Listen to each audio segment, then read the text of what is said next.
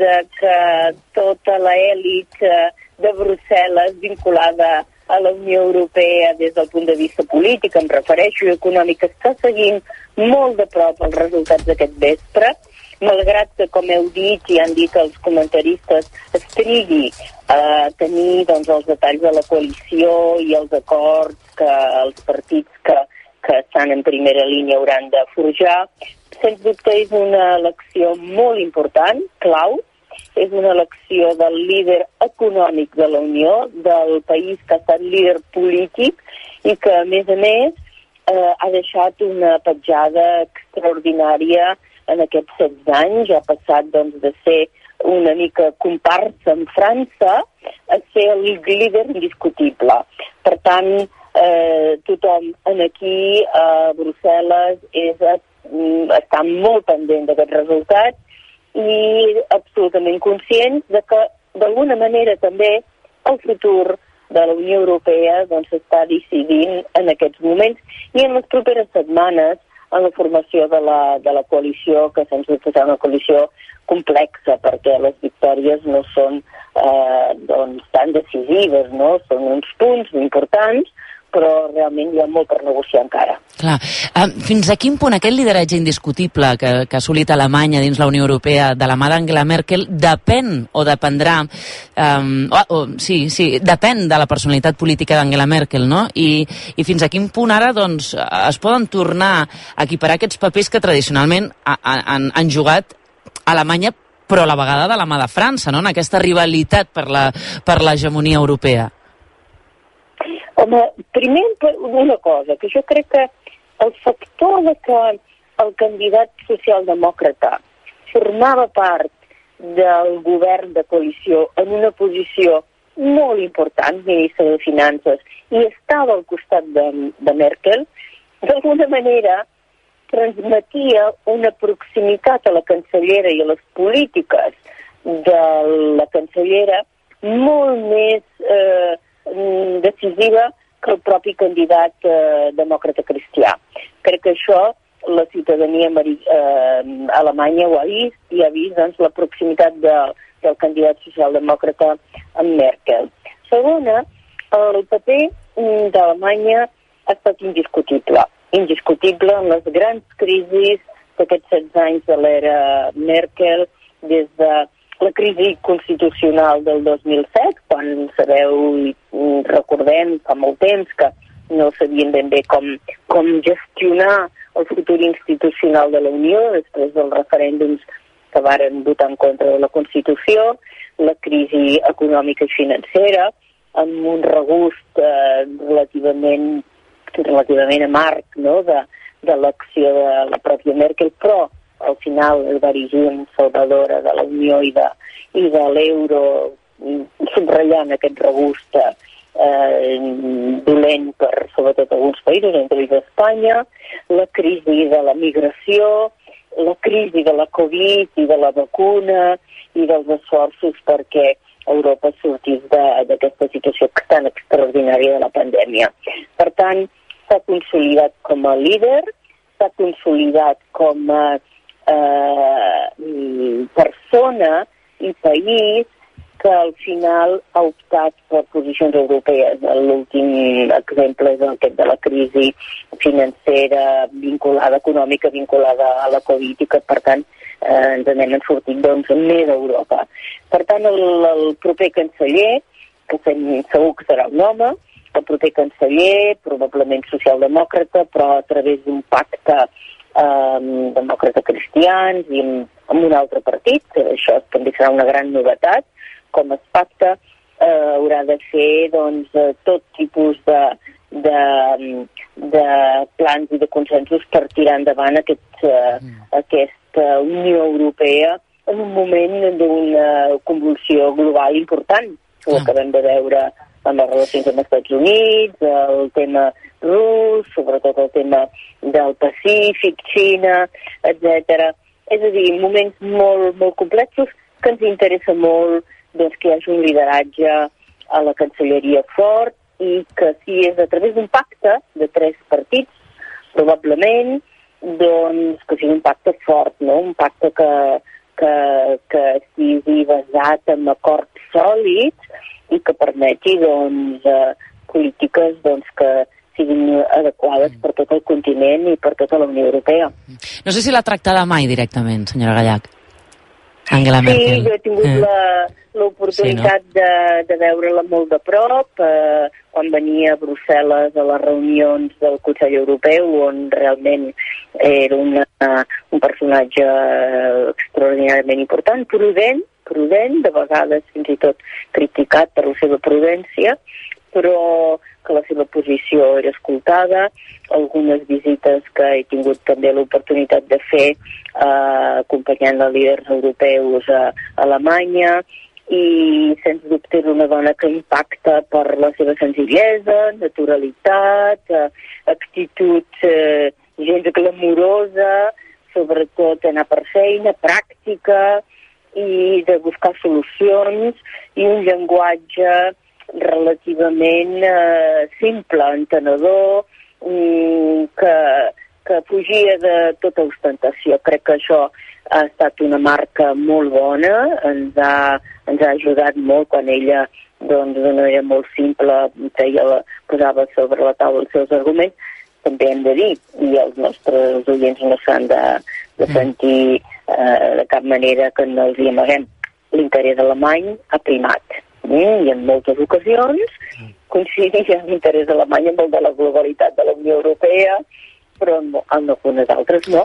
Eh? I ella finalment era la cancellera alemanya i, i doncs, eh, eh, responia davant doncs, del Parlament. Eh, això que comentàveu, no? Sí, sí. Un acord de govern sempre va acompanyat a Alemanya d'un acord parlamentari mm. per assegurar l'estabilitat mm. i les dues coses doncs, ara doncs, seran molt importants per, per, per els properes setmanes i potser mesos, eh? potser mm. mesos. Pot ser que això trigui una bona, unes bones setmanes i que faci que el rècord de la cancellera Merkel eh, doncs iguali el del canceller Hol, Helmut eh, eh, Kohl que, que, que va durar doncs, fins a 3 o 4 mesos després d'haver de, perdut les eleccions. Mm -hmm. ja, ja estem parlant aquí amb, amb el Klaus Jürgen Nagel, que, que potser li veiem encara el, el discurs de, de cap d'any a Angela Merkel. Li vol fer una pregunta, senyora Gallac, a Montse Guillén, catedràtica d'Economia de la Universitat de Barcelona. Endavant, Montse. Hola, Cristina. Jo li volia preguntar, persones com, com l'Angela Merkel, no? amb la seva experiència, el seu bagatge, tot el que han acumulat, com veu, el, no, no només aquests primers mesos en, on el seu paper serà superrellevant, no? però sinó en els propers anys, quina creu que pot ser la seva estela? Com podem aprofitar tot aquest talent? Home, jo crec que eh, eh, ella ha estat sempre molt prudent, fins i tot s'ha mencionat que podria tenir un gran càrrec internacional a les Nacions Unides. Recordem que moltes vegades s'havia comentat mm, eh, tant de bo s'interessés per, per dirigir la Unió Europea, ser presidenta del Consell de la Unió o de la Comissió, no ho sabem. Eh, crec que el seu estil, aquest estil pràctic, eh, però discret, eficaç però alhora compromès eh, ens definirà. Jo dubto que Alemanya es deixin perdre eh, probablement la persona que està eh, considerada com la gran líder europea i, a més a més, amb molta capacitat d'influir eh, en les estructures eh, internacionals, tant multilaterals dels organismes com eh, de la societat civil que hi ha grans organitzacions de la societat civil que contribueixen a, a fer avançar l'agenda global, tant sigui l'agenda medioambiental com l'agenda de transició ecològica i energètica, com l'agenda social o l'agenda de la eh, seguretat alimentària, en fi, hi ha mm. tot una sèrie d'agendes. En fi, crec que és una persona que, que no només els alemanys, sinó els europeus hem d'intentar doncs, que sigui compromesa. També és lògic que vulgui en aquests propers mesos, un cop eh, eh ja es formi el govern de coalició, eh, doncs passar a un altre, a un altre nivell doncs, de visibilitat. Eh, sens dubte, ell ha estat el focus, no? Tothom ens miràvem a veure què deia Merkel, què deia Alemanya en els moments més difícils de la crisi. Algunes vegades ens, ens de sabia, altres doncs, eh, ens semblava que era una sortida endavant extraordinàriament útil. En fi, ja ho veurem, no deixa de ser una persona encara jove, no? Té, té temps per endavant, no seria d'estrany que es volgués doncs, donar un temps, però crec que la ciutat d'Alemanya, que és eh, eh, que li costa tenir un protagonisme internacional i ha costat molt i ara que l'ha adquirit seria estrany que se'l deixés perdre. Um, pregunta um, Pol Morillas, director del CIDOP. Hola, Cristina. Una, una... Hola, Pol. Què tal? Una, una de les coses que tu més has tractat i que coneixes perfectament és la, la política exterior i ara feia referència al, al final. I, I en certa mesura, en els últims 16 anys, Europa s'ha s'ha tornat una mica alemanya en aquest sentit. Potència econòmica, però poca potència política, geopolítica i amb capacitat d'interlocució de tu a tu amb, amb les altres grans potències internacionals. No? I aquí, en bona mesura, on podem dir que també depèn molt per, de, la, de la posició alemanya amb les relacions amb les grans potències, amb Xina, evidentment té una reticència molt forta a la confrontació perquè les seves exportacions en depenen i perquè evidentment és un mercat importantíssim per a l'economia alemanya i amb Rússia doncs, el, les importacions de gas són també molt importants. Què esperes del, del poder del proper govern eh, alemany en clau de, de política exterior d'Europa de, per reforçar aquesta política exterior d'Europa? És una pregunta molt interessant, Pol. Jo crec que dependrà dels de, termes de la coalició perquè no, no veuen el mateix la CDU i els socialdemòcrates respecte de Rússia, o respecte de Xina, o respecte de les relacions transatlàntiques. Hi ha uns eixos molt forts del, per exemple, dels demòcrates cristians eh, respecte de l'Aliança Atlàntica, respecte dels Estats Units, respecte de la contribució de la defensa. Els socialdemòcrates sempre han tendit més una entesa, una, us en, ens en recordarem, no, una Ostpolitik, oi? Un, un, més, uh, més, uh, més de diàleg. Per tant, crec que això hem d'esperar una mica per veure com es defineix. Alemanya ha estat en, en circumstàncies d'aquests últims anys um, en posicions ben uh, interessants. Per exemple, respecte de Xina, tu ho has dit molt bé, és l'únic és l'únic país de la Unió Europea que té un superàvit comercial amb Xina i, per tant, eh, va ser el desembre de l'any passat, ens va sorprendre a tots com va voler concloure ràpidament un acord d'inversions amb Xina per facilitar les inversions europees a Xina i les xines a Europa i molts socis europeus ho han vist amb molt reticències i sobretot els americans o els acords amb Rússia oi? Mm, respecte doncs, de, del, del subministre de gas a través del gasoducte no, de, del Mar del Nord o eh, en posicions eh, eh, eh, de vegades diferents amb tot el que fa, per exemple, referència a les inestabilitats amb Líbia, per exemple, on es van, es van abstenir no, de la, de la intervenció de França i de Gran Bretanya a principis de la dècada passada.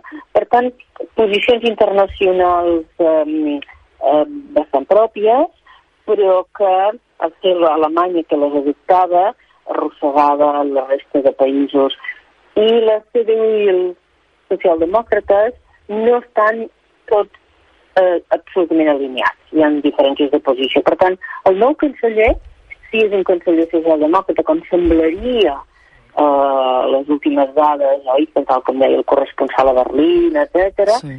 doncs eh, pot decantar una mica la balança cap un cantó cap un altre, eh, els fonaments de l'atlantisme, els fonaments d'una Europa forta, els fonaments de posicionaments d'aquests claus no, no, no, no trontollaran, però sí que poden haver-hi matisos importants. I ara, en el fons, les polítiques, en aquest moment ja és qüestió, entrem en els matisos, oi? Yeah. Més que en els fonaments bàsics.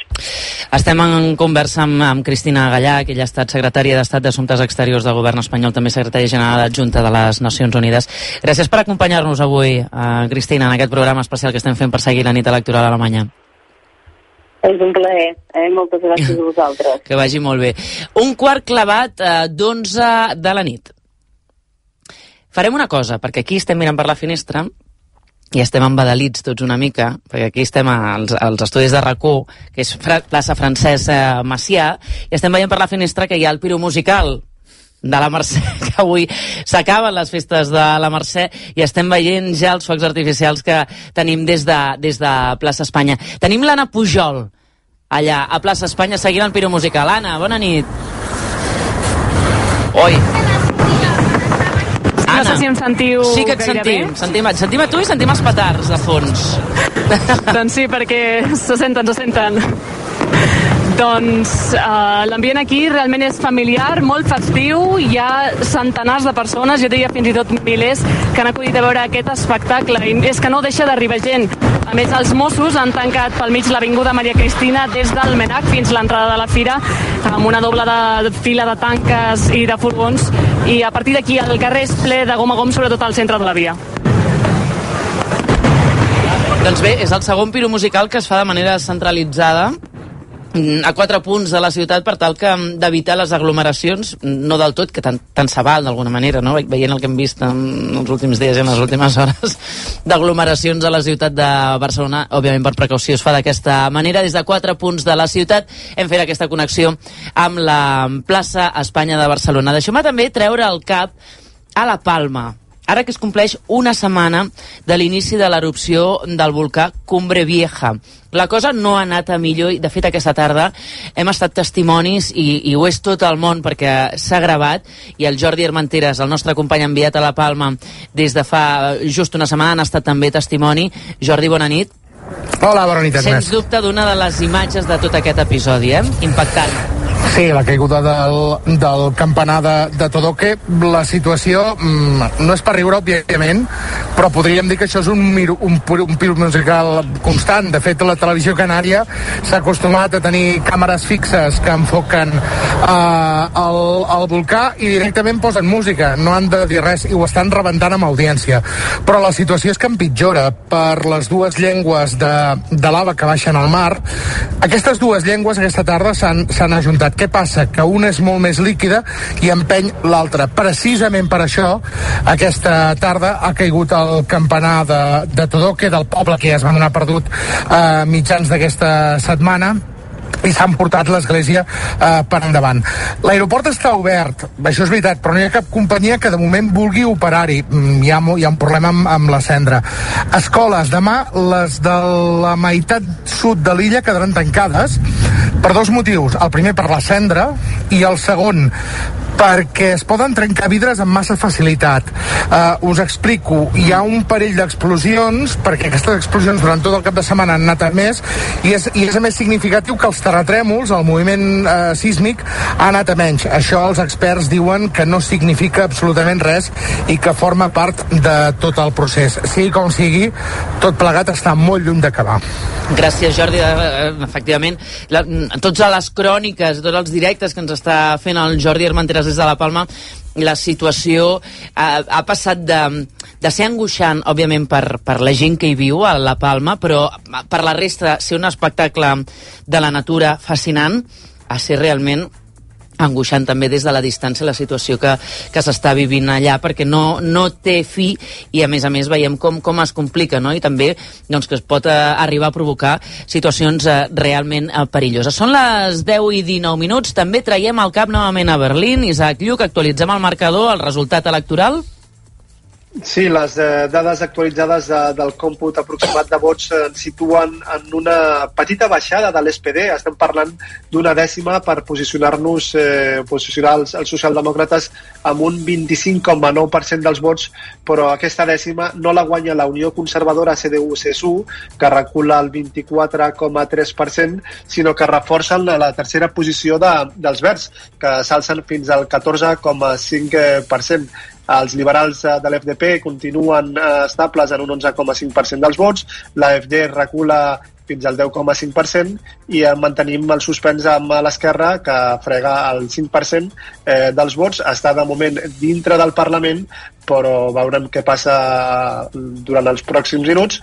De moment ja sabem quines coalicions són les més probables, possibles n'hi ha diverses, hi ha la, la coalició eh, eh, semàfor, que seria doncs, eh, SPD, el color vermell, els verds i el groc de, de l'FDP, i veuríem si, si com a alternativa té progressa la coalició jamaica del negre de la CDU-CSU, verds i, i el groc del, dels liberals.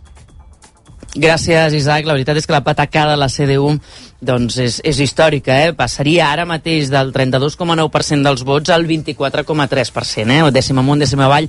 Ja sabeu que ho hem explicat, que en les eleccions alemanyes no, no es va fent el recompte de vots eh, i, i anunciant el tant per cent de vot escrutat, eh?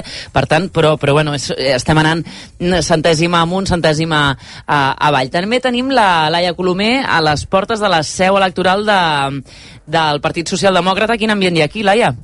Doncs ara l'ambient aquí ja és molt més relaxat. Encara queden eh, desenes de, de militants que s'han apropat a, aquí a la seu de l'SPD a seguir aquesta nit electoral, aquest recompte, però a mesura no, que es va confirmant eh, aquesta victòria per davant de la CDU, els ànims ja són eh, molt més calmats. Veiem gent, de fet, aquí, a, a diferència no, de, del que estem acostumats, han, han col·locat tot de carpes a fora de, de la seu del, de l'SPD, amb, amb barres, amb bars, on la gent pot veure també pot menjar i veia moltíssima gent no, doncs, comentant entre ella aquests uh, resultats uh, electorals. Fa una estona sí que estaven més pendents de, de la televisió, de, dels discursos que es podien fer, de, de les opinions que s'anaven fent, però ara, ara ja és doncs, uh, més parlant entre ells doncs, de quin pot ser aquest futur uh, per a Alemanya i com deia, molt més relaxats ara que, que venen més entrada a la nit doncs es va confirmant uh, aquesta victòria per davant de, de la CDU per gairebé dos punts. Gràcies,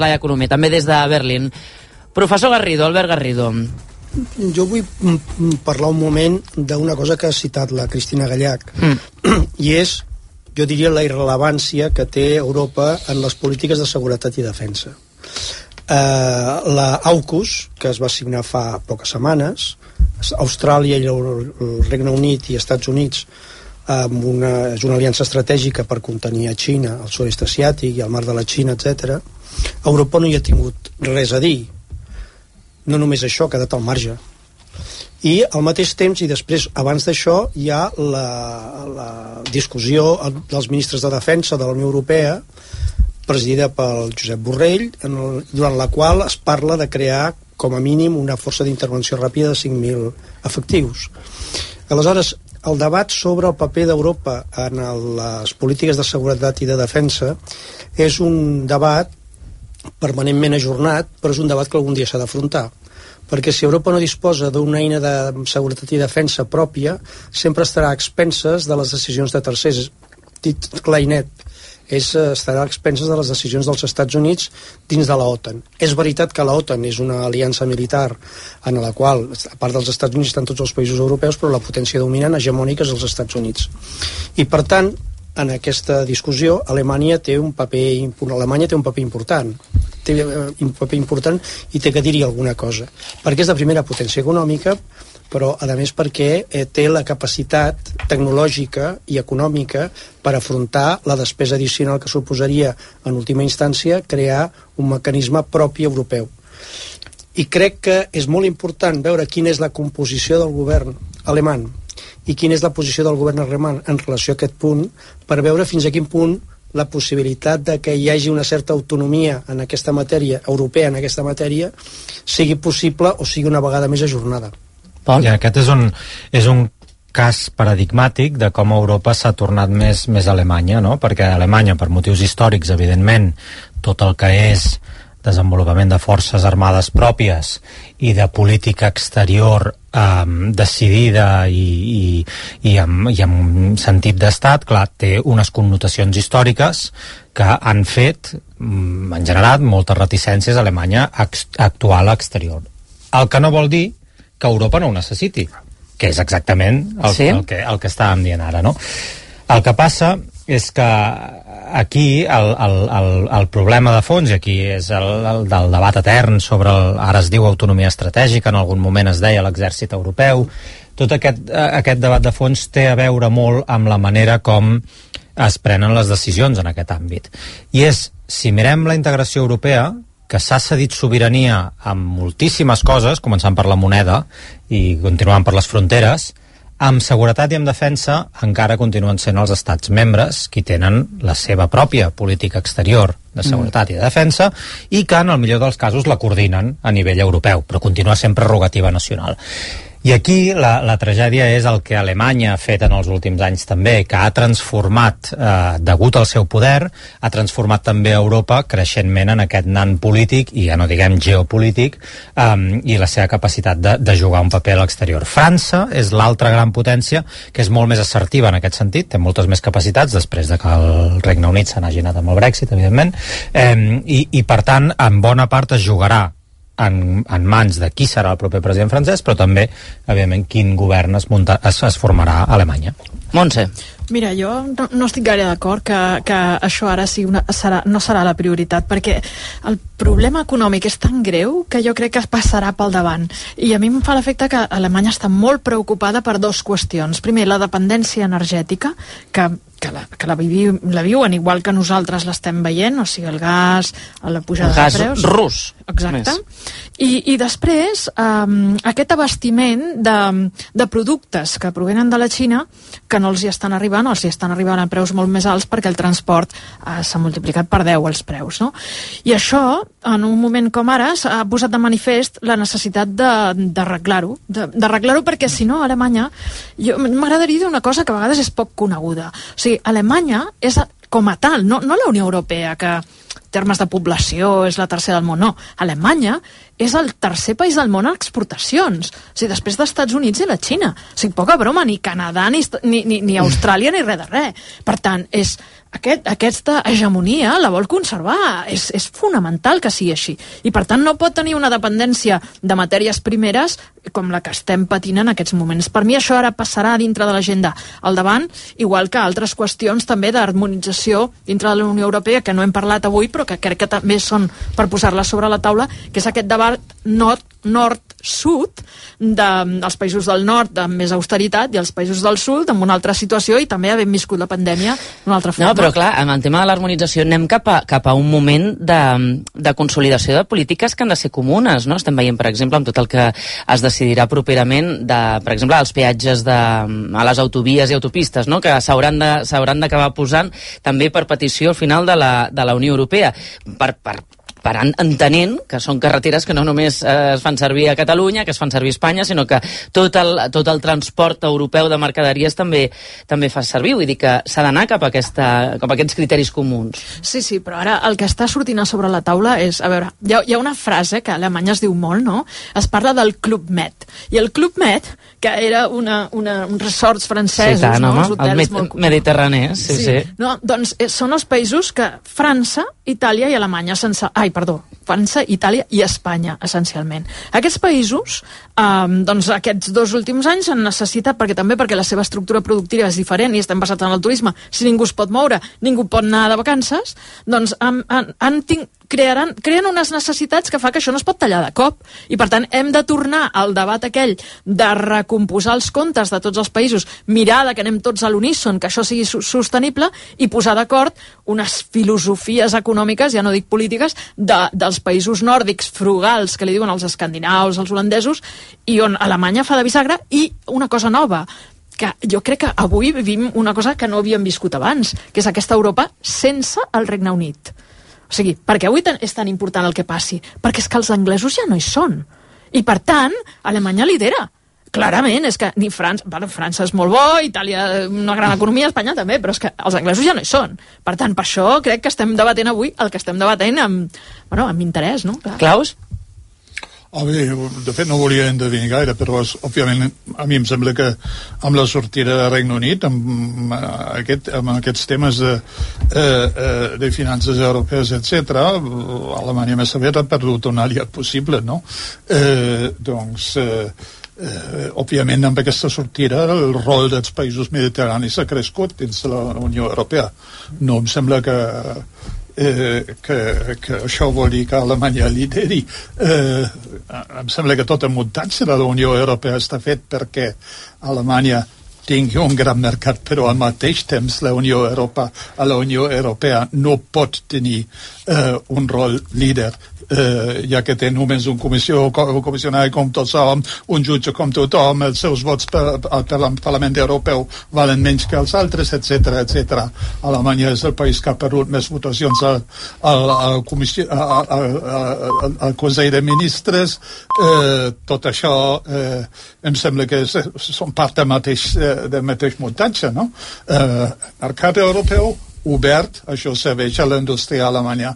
Al mateix temps, políticament, el poder a Europa no pot ser alemany. Mm. Això és la, contra, la contraposició. Jo he llegat... que això d'Antuvi era el negoci.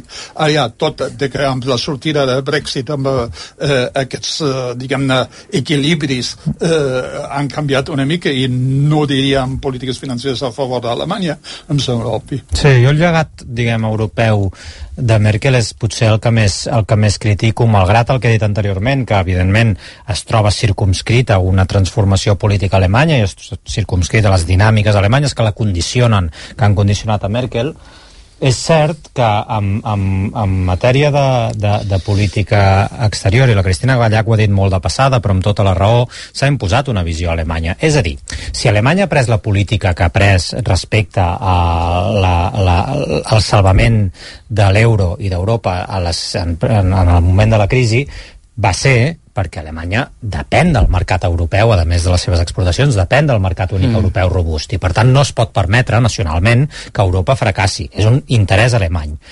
Però en l'àmbit de la política exterior crec que és encara més greu, perquè en l'àmbit de la política exterior eh, Alemanya depèn de les exportacions a Xina i depèn del seu mercat d'allà, però i depèn del gas rus, i això ha fet que, eh, per exemple, malgrat tota la crítica arreu d'Europa del Nord Stream 2, que és aquest mm, no, aquaducte, eh, no, aquaducte, no, gasoducte, eh, que, que, que que li dona la seguretat energètica a Alemanya, doncs això ha tingut unes conseqüències sobre la política de la Unió Europea cap a Rússia molt clares i per tant Rússia ha instrumentalitzat clarament la qüestió del gas en favor de Rússia perquè sap que els, que els alemanys necessiten a Rússia i perquè sap que els europeus estan dividits respecte a Rússia. Això té un gran tarannà alemany. És a dir, Alemanya no és eh, inocua a totes aquestes forces de, diguem, d'interessos. Alemanya té els seus interessos i els ha defensat a Europa. Per mi la gran pregunta és, amb el proper govern, eh, l'interès europeu passarà una mica més per davant de l'interès nacional? I a mi m'agradaria pensar que Alemanya posarà per davant l'interès europeu. França diu que ho fa sempre, però després uh mhm. -huh. no ho acaba fent del tot. Uh -huh. o sigui, mhm. ho, ho, ho posa sobre la taula, però acaba reaccionant d'una manera diferent. Però també hem de ser conscients que si en bona part Alemanya no ha tingut una política assertiva cap a Xina i no ha tingut una política assertiva cap a uh, Rússia, o ha tingut una, una relació ambivalent amb, amb, amb, amb, amb Trump en el seu moment, era perquè hi ha uns interessos i perquè, i perquè la Unió Europea i els seus estats membres defensen els seus interessos. La qüestió és si es poden defensar a nivell europeu o a nivell nacional. Les 10 i 33. Mireu, hi ha tuit de Pedro Sánchez a aquesta hora de la nit, que ja felicita Olaf Scholz eh, i el eh, SPD pels magnífics resultats. Diu Espanya i Alemanya seguiran trabajando por una Europa más fuerte. Eh, en fi, ara de la mà doncs, d'aquest lideratge que dona per fet de, de l'SPD d'Olaf eh, Scholz. Ja ho hem dit, eh? quedem-nos amb aquest nom, veurem però eh, com van les negociacions. El que farem mm, tot seguit és, eh, hem parlat del Regne Unit, traurem el cap a Londres, també a París i a Brussel·les. Comencem per Londres. Sergi Forcada, bona nit. Hola, bona nit. Com s'estan seguint aquí aquestes eleccions a Alemanya? Van vells o no van vells, això? La veritat és que s'han seguit molt, molt poc. Vull dir, si tu preguntes uh, a la majoria de britànics, segurament fins ara, fins ben bé a última hora, pràcticament ni, ni, ni sabien que se celebraven uh, aquestes eleccions. Hi ha hagut molt poc interès uh, mediàtic i fins i tot en algun punt es va dir que la, la BBC estava plantejant si fer un programa en directe o no uh, sobre aquestes eleccions. Al final sí que n'han fet una cosa, però com molt breu. Una cosa, diu. N'han fet una cosa... Sí, sí, la veritat és que poc, sí. poc, poc seguiment, poc seguiment. Poc seguiment. Per tant, eh, és veritat que un cop fet eh, executat eh, el Brexit, que sí que, diguéssim que durant tota la negociació Alemanya també va tenir un paper important i Merkel va, ser, va aconseguir doncs, eh, guanyar el pols al qual doncs, eh, li proposava està clar el Regne Unit, superat aquest punt, eh, les qüestions europees es miren molt de reull? Sí, de fet aquí el que preocupa una mica més és que, que, hi, hagi, que hi hagi govern aviat, bàsicament per una qüestió, i és que el que preocupa és si França passarà a tenir més poder, perquè en França sempre han tingut una mica de relació allò amor-odi, no?, amb l'altra banda del canal de la Mànega, i, i si ara doncs, França passa, passa a ser el, el, el país, diguem-ne, major de, de la Unió Europea, això sí que és alguna cosa que no els agradaria tant. Però sobre quin dels dos candidats hauria de guanyar, la veritat és que els mitjans no, o la gent, el, els polítics també, doncs no, no es decanten ni per un ni, ni, ni per altre. Gràcies, Sergi Forcada, des de Londres. Interessant aquesta lectura. L'hem posat ja sobre la taula el paper que potser intenta exercir de nou França i que històricament sempre ha reivindicat de um, compartir aquesta hegemonia europea amb, amb Alemanya. Des de París, Laia Forés, bona nit. Hola, què tal? Molt bona nit. S'està fent aquesta lectura de les eleccions en el rerefons de la interpretació que es fa de les eleccions alemanyes a, a França? Sí, i tant, i tant. El, el buit de poder que hi haurà ara durant les properes setmanes a Alemanya, les que durin, com dèieu, durant uh, les negociacions per formar el govern, el fet de que arribi un nou, un nou canceller d'entrada amb, amb menys pes polític no? que, el que, que el que tenia Angela Merkel, és una oportunitat per a, per a Emmanuel Macron per tenir més protagonisme a Europa, per fer sentir més la seva veu, sobretot ara que amb la crisi transatlàntica, amb tot aquell tema dels submarins, el pacte militar entre Estats Units, Austràlia i el Regne Unit, doncs, que ha deixat de costat França, ha deixat molt tocat també l'orgull de, de, de Macron. D'alguna manera, el centre de gravetat de l'eix franco-alemany pot passar ara a estar a París, almenys això és el que, el que aspira Macron. Penseu també que França ocuparà la presidència rotatòria de la Unió Europea a partir del gener veurem si Macron aconsegueix o no realment assumir aquest lideratge de la Unió Europea, perquè Alemanya, crec jo que sempre és Alemanya, fins i tot sense Angela Merkel, i a més cal, cal, també cal tenir en compte que, que mentre Alemanya no tingui nou canceller, Europa tampoc no, no, no crec que es prenguin cap gran decisió. Ara venen uns mesos d'impàs a Europa, veurem què fa, què fa Macron Clar. aquestes setmanes. Clar, també potser ho, ho vol aprofitar de cara a les presidencials eh, franceses de, de la primavera de l'any vinent, no? Sí, sí, eh, Macron espera que, que tot plegat suposi per ell una empenta de cara a aquestes eleccions, que són a, a l'abril. Espera que el seu lideratge li serveixi per sumar vots. No sé si ho recordeu, però ara fa quatre anys feia un discurs molt europeista a la Sorbona Ara, segons explicaven Fons de fa uns dies, el president de França prepara un altre d'aquests grans discursos europeus, un discurs que vol que marqui una mica les, les prioritats d'Europa, les seves prioritats per a Europa, i també serà una manera de, de pressionar el futur canceller perquè assumeixi les, les propostes de França. Clar. Uh, gràcies, Laia Forés, des de París. És a dir, líder a Europa es comprant cap a casa una mica, no? Que és el que dèiem que, que ha fet Merkel o que es proposa Macron i que s'entén, eh, dins el que és l'estratègia política. És evident, digues, uh, Albert. El, el buit casa molt malament amb la política. Quan un ninxo queda buit, un altre s'hi posa i eh, és evident que quan s'obrin les, les, les negociacions per formar govern i per formar una majoria parlamentària, que es poden dilatar setmanes o mm. mesos, mm doncs la, la cancellera en funcions, que serà la senyora Merkel, no podrà, diguem, prendre masses decisions importants. I, i en aquest en, en aquest espai de temps Macron eh, segur que voldrà aprofitar l'ambient o l'entorn que li serà més favorable a ser més rellevant que si hi ha un canceller que més o menys a l'eix franco-alemany ha de funcionar sempre però si hi ha un canceller a Alemanya la cosa Clar. canvia molt i no, no, no només això sinó que, eh, com acaba de dir, eh, s'acaba de dir, el dia de gener França presidirà la, la Unió Europea i al mes de maig, abril-maig, hi haurà eleccions a França. I aleshores no és el mateix que Macron arribi a les eleccions amb una posició rellevant dins de la gestió de la Unió Europea o amb una posició com la d'ara, que és una posició important però que indubtablement està sombrejada en part per la posició mm. alemana. Mm. Ens queda encara un, un punt de connexió que és uh, Brussel·les per saber com s'està seguint també uh, doncs aquesta nit electoral, però més que la nit electoral també la dimensió que pugui tenir en aquest canvi a la, a la Cancelleria alemanya. I tenim el uh, Lluís Tobar, bona nit. Hola, Agnès, bona nit. Com està... Quin és el xup-xup aquí a la, a la capital europea, a Brussel·les? Doncs aquí la sensació és que Brussel·les s'ho mira amb, amb molta tensió, però també amb tranquil·litat, perquè guanyi qui guanyi, tots els programes tenen un, tots els partits tenen un programa europeista i per tant no hi ha el patiment o els nervis que potser sí que hi seran a les eleccions franceses del mes de maig amb l'ombra de l'extrema dreta i de Marine, i de Marine Le Pen. No? Aquí Brussel·les també estan tranquils perquè després d'una pandèmia que s'ha sacsejat les economies de la Unió Europea, Alemanya ha acceptat els fons europeus, ha acceptat, per exemple, el que no va, el que no va acceptar l'any 2012, que és permetre que els països del sud, com Itàlia o Espanya, siguin els que més diners rebin d'aquest fons. És a dir, no és l'Alemanya intransigent i dràstica de la, de la crisi financera. És veritat que depèn qui governi encara hi ha qüestions molt delicades. Per exemple, una de les incògnites, si els liberals formessin part d'aquest govern, qui agafarà la cartera de finances? Doncs trobarem una Alemanya més o menys flexible en qüestions com la reestructuració del deute o la reforma de les normatives fiscals que ara estan congelades. Per això és important també el que dèieu, no? la, quan dura aquesta provisionalitat de, del govern, perquè per negociar coses com la reestructuració del, del deute, doncs és evident que un govern ja format doncs, tindrà més pes que no algú que està en funcions. Gràcies, Lluís Tobar, des de Brussel·les, per aquesta lectura. Deixeu-me saludar, um, jo crec que la, la, una persona amb pes específic des de fa molts i molts anys en el ser del Parlament uh, Europeu, com és Jaume Duc, que n'és el portaveu i director general de comunicació. Bona nit, Jaume.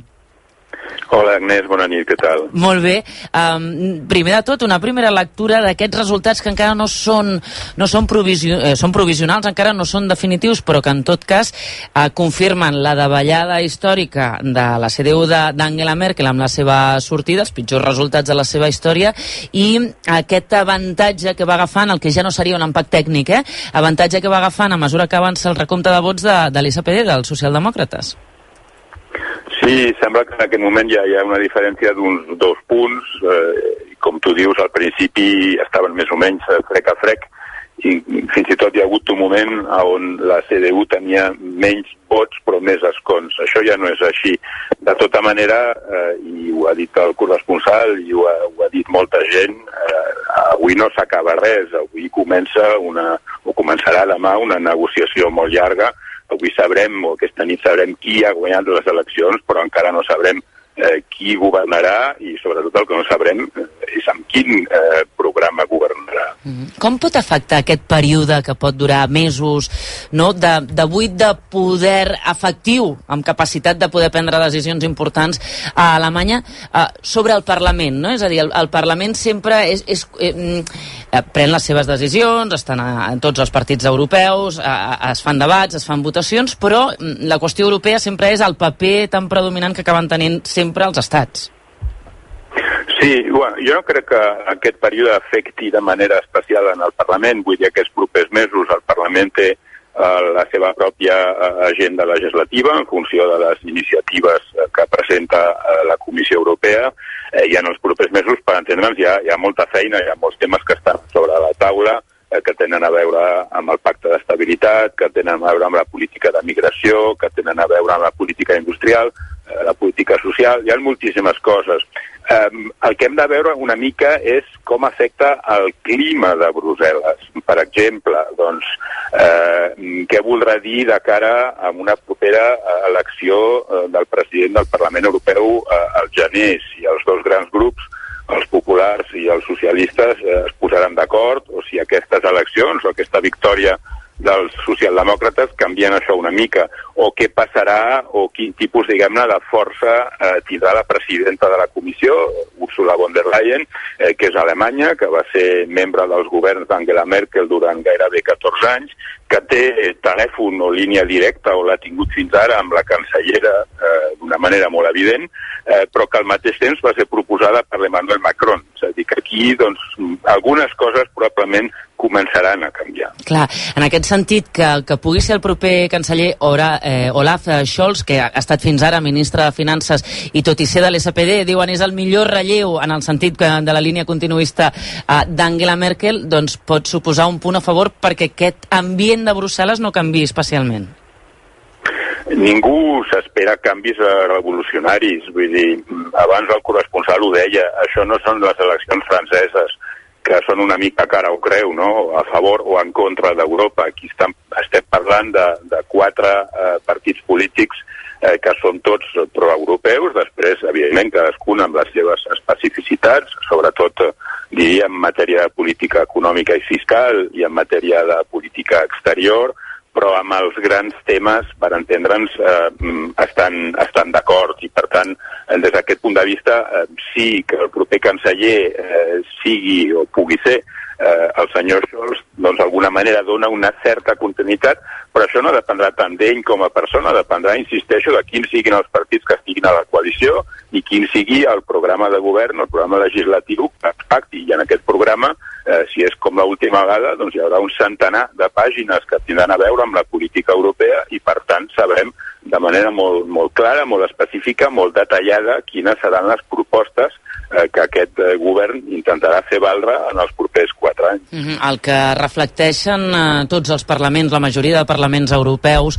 ha estat eh, l'auge de l'extrema dreta en els últims anys. Veurem què és el que passa a les properes eleccions eh, franceses. Eh, estem veient que en aquesta, en aquesta convocatòria, les eleccions eh, federals d'Alemanya, doncs, eh, eh, Alternativa per a Alemanya recula lleugerament, però que continua tenint ara mateix a aquesta hora un 10,5% de, del, del vot. Eh, una de les grans aportacions d'Angela Merkel eh, podem dir que ha estat mm, mantenir el cordó sanitari eh, inquebrantable amb l'extrema dreta. Eh, sí, no, eh, això per descomptat, perquè l'extrema dreta no ha entrat, a, no ha entrat en cap govern a Alemanya, a cap dels nivells, tampoc als estats federats, eh, però també hi ha qui diu que el 2015 la política migratòria d'Angela Merkel d'alguna manera va ajudar a Alternativa per a Alemanya a agafar una certa empenta. Eh, deixi'm dir eh, que efectivament eh, a nivell nacional eh, la, la FD eh, baixa una miqueta, mm. però continua sent bastant preocupant la seva força en alguns estats d'Alemanya de l'Est de fet ha guanyat eh, a Saxònia per bastant, per bastant marge per davant de l'SPD i, i també a Turíngia d'una manera més, més ajustada. És a dir, que potser a nivell nacional eh, comença a perdre una certa força, però s'està convertint, en un, convertint en un partit regional d'Alemanya de l'Est eh, prou fort. Doncs eh, és, és, efectivament és així, eh? és aquesta la radiografia. Ho hem comentat diverses vegades eh? al llarg d'aquí. Aquella decisió que va prendre Angela Merkel d'obrir fronteres, que li convenia en aquell moment, però eh, que després va tancar l'aixeta, però això ha provocat un auge de l'extrema dreta. És clar, eh, ara, li, ara li, dic que, li, dic que, li, li dic a Jaume Duc perquè ara ell ho esmentava, però també ho hem comentat abans, no? És clar, acusar o atribuir, no és acusar, però atribuir l'auge del populisme a determinades polítiques és que aleshores, esclar, hi hauria determinades polítiques que no es farien només per, per no afavorir determinats discursos, no? Dir, és aquell equilibri eh, d'equilibrista que s'ha de fer. Clar. Mm -hmm. No, no, jo crec que ella va fer el que havia de fer. Jo, que després això tingués unes certes conseqüències eh, no vol dir que no ho tingués que fer. Jo crec que ho havia de fer i, a més, que des del punt de vista, diguem-ne, ètic o, o moral va ser un, un toc d'atenció molt fort eh, a tota eh, a la Unió Europea.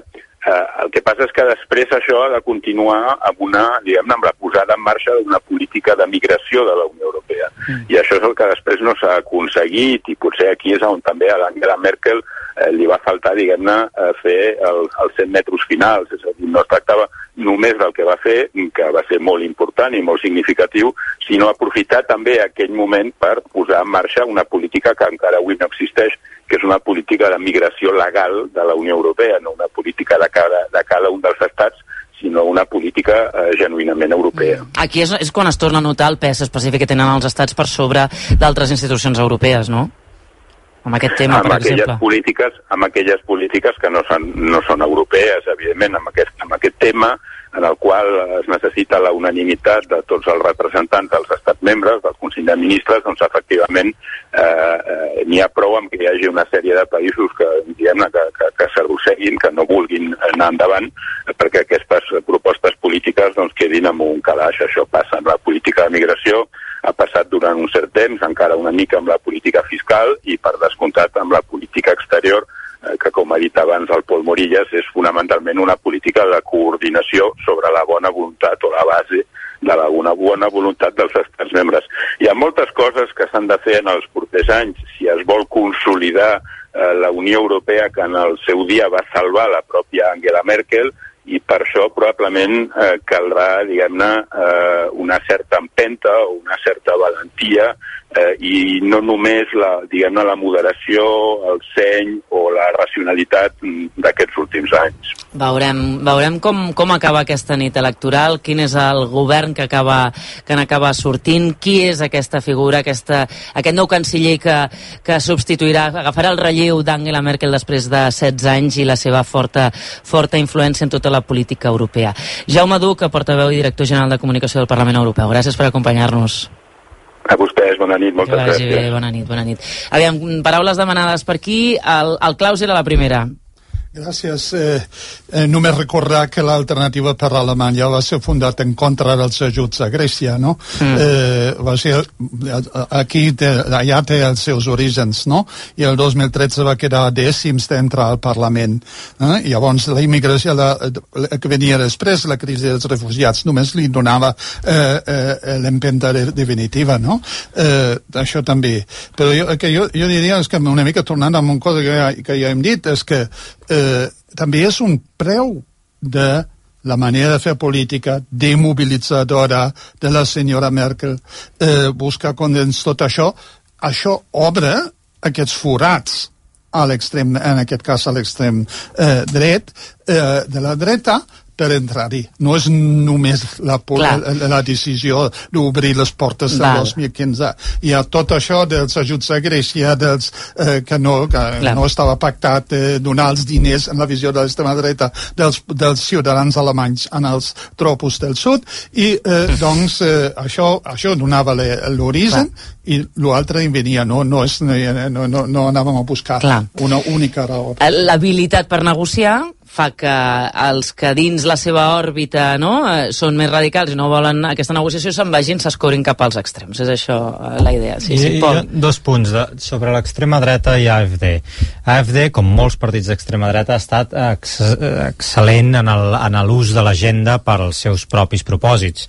Efectivament, neix com un partit anti, anti-rescat de Grècia, muta cap a un partit anti-immigració durant la crisi de, de refugiats i intenta ser un partit eh, anti-mesures eh, provocades pel Covid, restriccions i, i de més arran de la crisi del coronavirus.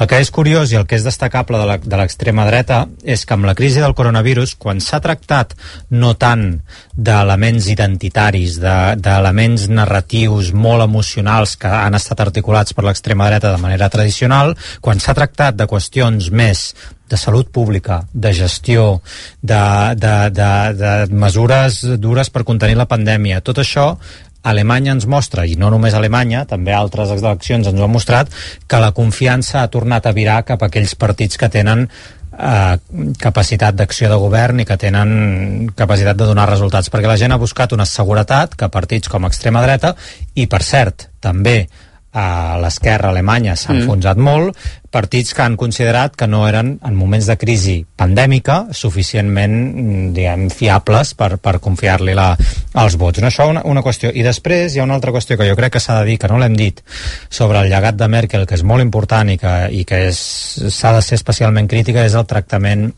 amb Orban i amb el Partit Popular Europeu durant, arran de la crisi dels refugiats. O Erdogan, o Erdogan. o el, Erdogan el, mateix. el pacte amb Turquia. Exacte. Per I aquí- contenir aquí ens, ha- vam, ens vam vendre l'ànima, no? Hi ha, hi ha una, una, una de calç i una de, una calç i una d'arena, no? De, de dir, home, eh, sí, es va fer un primer pas generós, però després el pacte amb Turquia efectivament va ser un moment i després la protecció dels discursos il·liberals que han sorgit a Polònia i en particular a Hongria, en el cas d'Hongria han tingut el recolzament en els últims anys des del Partit Popular Europeu, partit d'Angela Merkel, que molts diuen que precisament gràcies a aquesta contínua eh, suport eh, implícit o explícit que se li ha donat a, a Orban ha permès alimentar aquest discurs. Jo crec que això és un balanç certament negatiu. Montse? Bueno, jo vull recuperar això que deies eh, fa una estona, no?, el tuit de, de Pedro Sánchez. Sí. perquè torna a posar sobre la taula que en el fons també estem parlant d'aquesta divisió de forces que,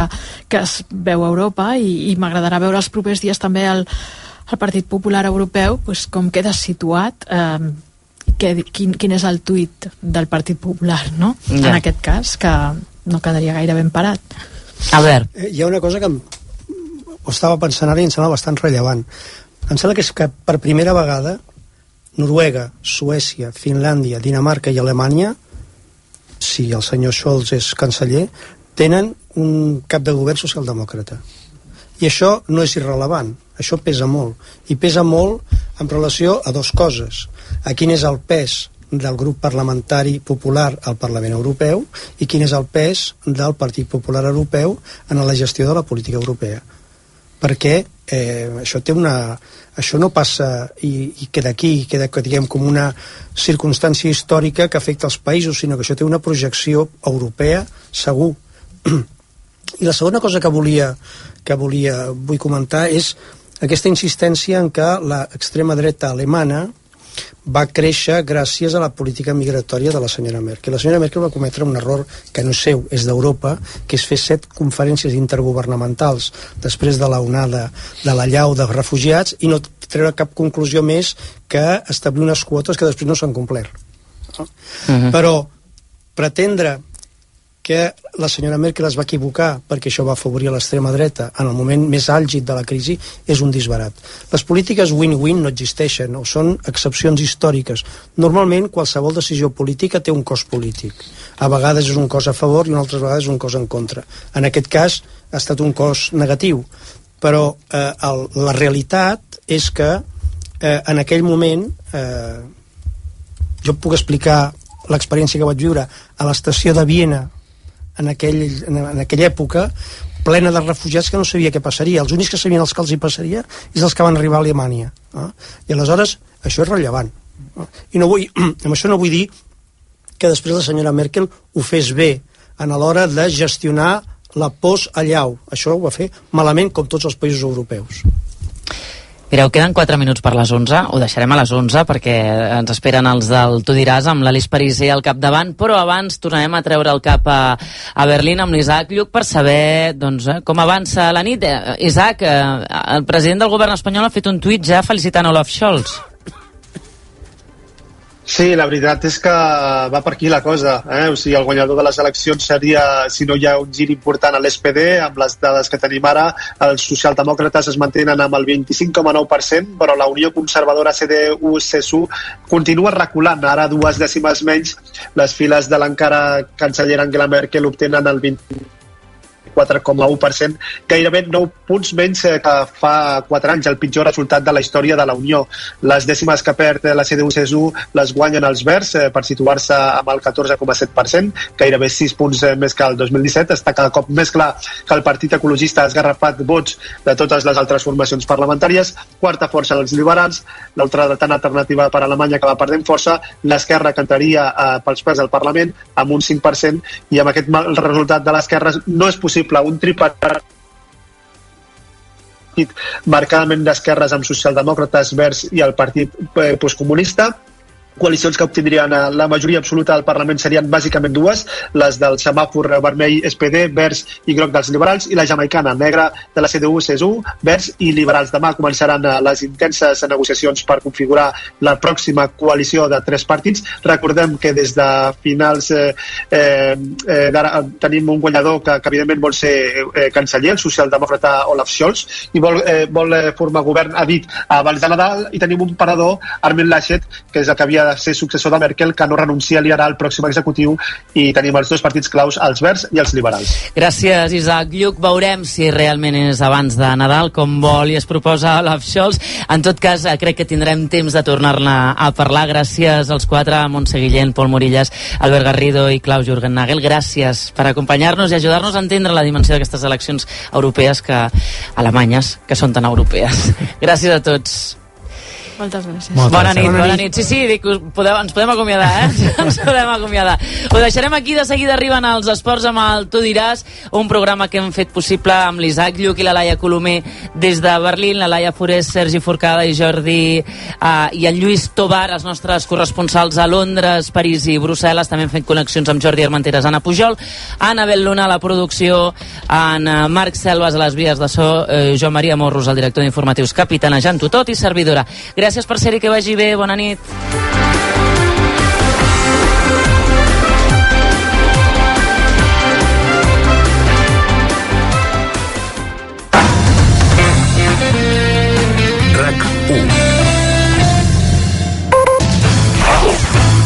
Hola, Mònica Terribas. Com estàs, Jordi? Hola, Pablo Iglesias, bon dia. Bon dia, Jordi, què tal? Molt bon dia, Pablo. La directora de Salut Pública de l'Organització Mundial de la Salut, la doctora Maria Neira. Bon dia, buenos días. Bon dia, buenos días. Jordi Puigneró, vicepresident, bon dia i moltes gràcies. Molt bon dia. President Aragonès, bon dia i moltes gràcies. Bon dia. El món a RAC1 amb Jordi Basté. El programa més escoltat a Catalunya. RAC1. Tots som u. RAC1. Anyway. Cada dia. In a world of fear. De dilluns a divendres. Add more. La competència. One, two, three. De 12 a 1 a RAC1. And the Oscar goes Amb to... els Oscars. Amazing. Està prou bé. Amazing. Ah, sí, i ho repeteixen a la